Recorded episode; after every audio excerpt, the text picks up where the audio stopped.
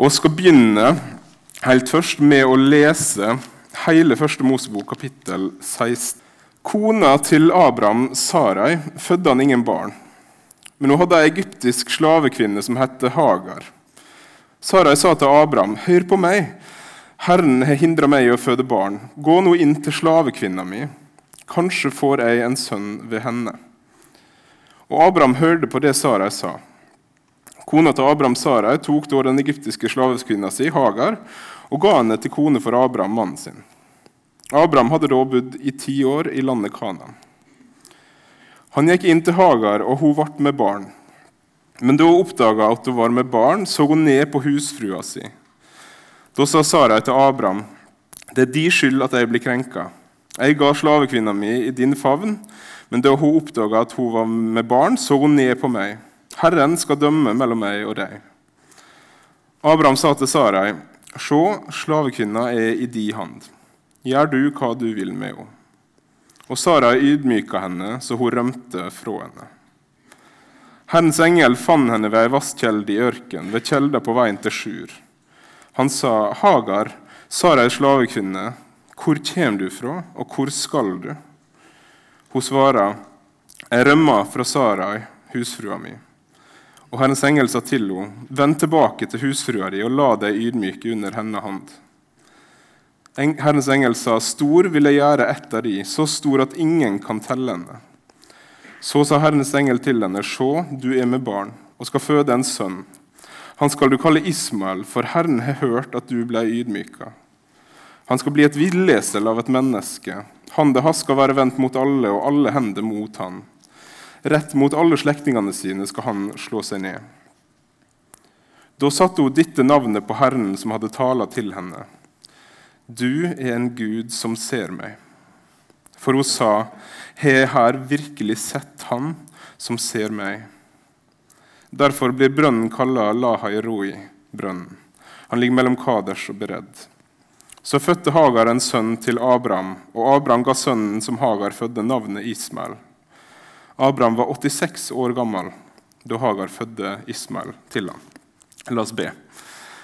Kjære Jesus, takk for ditt ord til oss. Ber må du være her til stede. Må du møte oss gjennom ditt ord ved Din Hellige Ånd. Jeg ber må, må du være med meg, eh, hjelp meg å være trofast imot ditt ord. I ditt navn, Jesus. Amen. Vi kan starte med en liten recap fra sist gang. Sist så var vi i 1. Mosebok 12, 1-3, der Gud møter og kaller Abraham og ber han om å dra ut fra det landet som han kalte hjemme, til et nytt land som Gud ville vise ham. Og Det landet ville Gud gi han, lovde han. Og så lovde han Abraham at han skulle bli et stort folk. Han lovde at han skulle være med han og velsigne han. Og så I den velsignelsen var det også to ting til. Han skulle bli til velsignelse. Og gjennom han så skulle alle slekter på jorda velsignes. Når vi nå er i kapittel 16, så har vi hoppa bitte litt. Blant annet har vi hoppa over en tur som Abraham og Sarai tok til Egypt. Der Abraham velger å si til kona si at kan ikke bare si det sånn at du er søstera mi. Fordi Hvis vi sier at du er kona mi, så kommer de sikkert til å drepe meg for å kunne gifte seg med deg. Så det er mye greiere hvis, hvis du er søstera mi nå når vi er i Egypt. Og da ende opp med å egentlig gi kona si eh, vekk til farao. Eh, men det går på et eller annet vis bra, og de kommer seg ut av Egypt igjen. Eh, men det er, liksom, det, det er ikke, det er ikke en bein historie. Det er en historie om Abraham og det løftet som han fikk. Og I vår tekst så kommer enda en sånn skeivhet i, i den fortellinga. Det er liksom ikke ja, Gud lovde han det der, og så bare var Abraham tålmodig, og, og det var ingen styr, og så der oppfylte Gud løftet. Nei, det er stadig vekk eh, trøbbel. Og her så prøver Abraham og Sarai eh, igjen og liksom på en måte hjelpe litt til med det som Gud har lova. Han er gammel. 86 år. Eh, Sara er 76. Eh, og En plass senere så står det at hun hadde det ikke lenger på kvinners vis. Eh, noe som jeg vil tro vil si da, at hun var for gammel til å få barn. Eh, så de er gamle, og de skjønner ikke helt hvordan det skal gå til det her at Gud skal gi Abraham dette folket. At han skal bli til et folk når han ikke har unger engang. Så da, da, tenker Sara kanskje at her må oss hjelpe Gud litt. Grann. Fordi dette her går jo ikke, selvfølgelig. Eh, og tenker det vi gjør, det er du, mannen min, du kan få slavekvinna mi, gå inn til henne, eh, ha sex med henne, få en unge. Eh, men så sier Sara noe som jeg beit meg merke i, i hvert fall, eh, at kanskje får jeg en sønn ved henne. Så Sara tenker da at jo, det er jo på en måte, det er jo jeg og Abraham som har fått dette løftet, men kanskje er det liksom meint sånn at da kan jeg bare adoptere den sønnen til slavekvinna mi, og så er det det Gud har meint. Og så går alt bra. Og ingen problem, liksom, tenker hun kanskje. Men det fører jo med seg en hel masse problem. For det første fører det til at når, når Hagar blir gravid, så blir hun hovmodig og blir på en måte stolt og ser ned på Sarai, som ikke kunne få barn. Stakkars gamle kjerring liksom, som ikke, ikke, var noe nyttig som kone. og na-na-na. Eh, så hun, hun, får negative konsekvenser av dette. her. Og Sarai blir jo selvfølgelig misunnelig og blir rasende på mannen sin. Selv om det var hun som ga Hagar til ham. Så blir hun rasende på Abraham og sier det er din feil. alt dette her. Og Abraham han finner ut at ok, jeg får bare step aside her. Eh, sånn, Hagar, du kan uh, gå til Sarai igjen. Sarai, du gjør hva du vil med henne. Så jeg er liksom in the clear her. Men det resulterer jo i at Sarai er fæle med Hagar, og Hagar rømmer.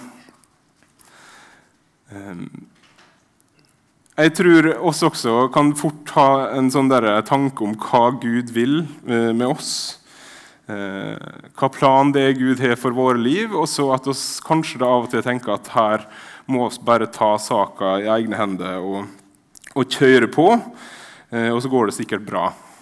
Selv om det ikke er helt sånn Selv om det er litt sketchy, så, så bare gønner oss på.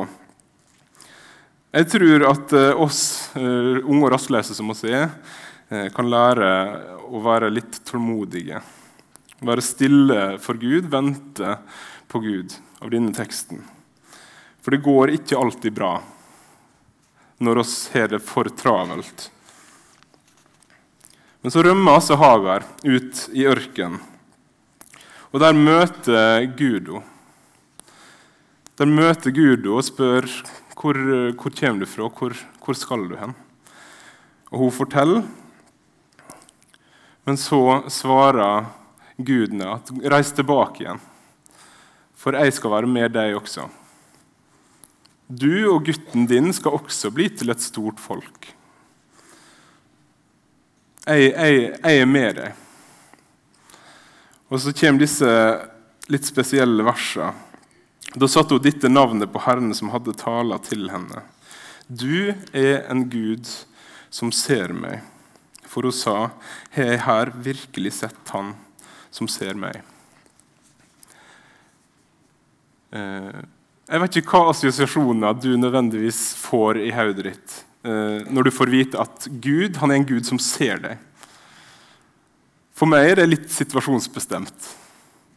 Av og til så føles det veldig trygt å være sett av Gud. Men eh, det at Gud ser, det kan også være litt ukomfortabelt og oppleves litt truende, kanskje. Ehm, og så tror jeg det har veldig mye med hvordan oss eh, føler oss sjøl.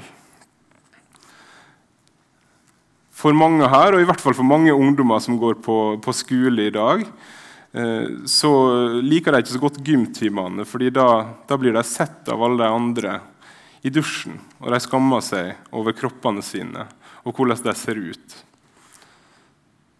Mange, mange liker ikke det å bli sett, verken sånn kroppslig eller eh, at noen skal få bli kjent med dem. For mange som har opplevd vonde ting, så kan det å, det å bli sett bli forbundet med det å på en måte bli mobba, avslørt, eh, ynkelig. Så jeg veit ikke hva assosiasjoner du får når du hører Hagar si og kalle Gud for 'Han som ser meg'. Men i denne situasjonen, og jeg vil si egentlig alle situasjoner for oss som tror på Jesus og har Gud som far, så er det trygt at Gud ser oss. Når du skulle ønske han ikke så, så er det noe som han også vil at du skal kunne komme til han med. Hvis du gjør noe du ikke burde, tenker noe du ikke burde, sa noe du ikke burde, lot være å gjøre noe som du burde, så er det noe som Gud vil du skal komme til han med, bekjenne for han. Være ærlig om det som er vanskelig også. Ikke skjule det, men han ser det også. Og så har han fortsatt omsorg for det. Han er fortsatt den som ser og har omsorg. Hun gutten, eller Gud sier til henne at hun skal gi gutten sin navnet Ismael. Og Ismael det betyr Gud hører. Så hun kaller Gud for han som ser, og Gud gir henne beskjed om å kalle gutten sin for han som Gud hører. Gud ser og hører Hagar i hennes situasjon. Og han ser og hører deg, uansett hvor du er, uansett hva du bærer på, uansett hva du går igjennom nå, uansett hvor alene du føler deg. Så ser Gud, så hører Gud, og han har omsorg, og han vil gripe inn. Ismael og Hagar de møtes igjen noen kapittel seinere. Da har Abraham og Sara fått en sønn. Og Problemene som var der fra før, har tydeligvis ikke gått vekk. For oss kan lese fra vers 9 men Sara så at sønnen som Hagar fra Egypt hadde født til Abraham, leika og lo. Da sa hun til Abraham, driv bort dine slavekvinner og sønnen hennes. For sønnen til dine slavekvinner skal ikke arve sammen med Isak, sønnen min. For meg høres det nokså bittert ut. For meg høres det ut som vonde følelser som har vart ved og som ikke har gitt seg, selv om Sara har fått den velsignelsen og blitt mor sjøl. Få han vekk, denne, denne gutten, denne stadige påminnelsen om den dårlige ideen. Og så forsvinner Sagar igjen. Og så leser vi videre. Abraham tok dette svært tungt fordi det gjaldt sønnen hans. Men Gud sa til Abraham, ikke ta det så tungt, dette med gutten og tjenestekvinna. Du skal høre på alt det Sara sier til deg, for gjennom Isak skal du få ei ett som skal kalles di. Men sønn til slavekvinne vil jeg også gjøre til et folkeslag, for han er ditt barn. Morgenen etter sto Abraham tidlig opp, tok brød og en skinnsekk med vann og la det på akslene til Hagar, og sendte henne og barnet fra seg. Hun ville seg bort i ørkenen ved Bersheba. Da vannet i skinnsekken tok slutt, la barnet fra seg under en av buskene, så gikk hun og satte seg om lag et bågeskudd lenger borte for hun tenkte jeg kan ikke se på at barnet dør. Mens hun satt der, tok hun til å gråte høyt. Gud hørte røsta til gutten. Og Guds engel ropa til Hagar fra himmelen og sa, Hva er det med deg, Hagar? Vær ikke redd, for Gud har hørt røsta til gutten der han ligger. Reis deg, hjelp gutten opp og hold han fast i handa, for jeg vil gjøre han til et stort folkeslag. Så åpna Gud øynene hennes, og hun fikk se en brønn med vann. Hun gikk og fylte skinnsekken med vann og lot gutten drikke. Gud var med gutten, og han vokste til. Han bodde i ørkenen og ble bueskytter. Gud høyre. Når mora satt der og hulka, så vet ikke jeg hva lyder gutten laga, men Gud hørte det. Gud hørte det, og Gud greip inn. Sånn er det også med oss. Når oss, uansett hva assosiasjoner vi får til dette, at oss er hørt og sett og kjent av Gud, så er det her i disse tekstene i hvert fall ment som noe trygt, noe godt. At i den mest håpløse situasjonen så har oss en Gud som ønsker å komme nær til oss og hjelpe oss. Og så er en frelser som sjøl blei menneske, og som derfor skjønner hva som går igjennom, og kan lide med oss i vår svakhet. Oss se en Gud som hører og ser det oss gjør godt, det oss gjør vondt.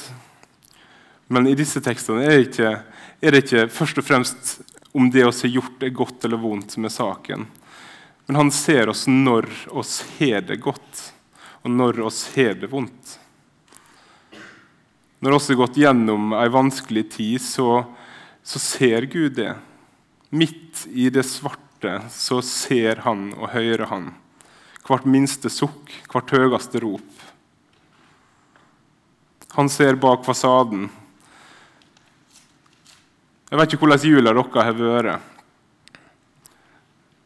Jeg vet ikke om dere lyver når dere svarer ja, 'Hvordan var juleferien?'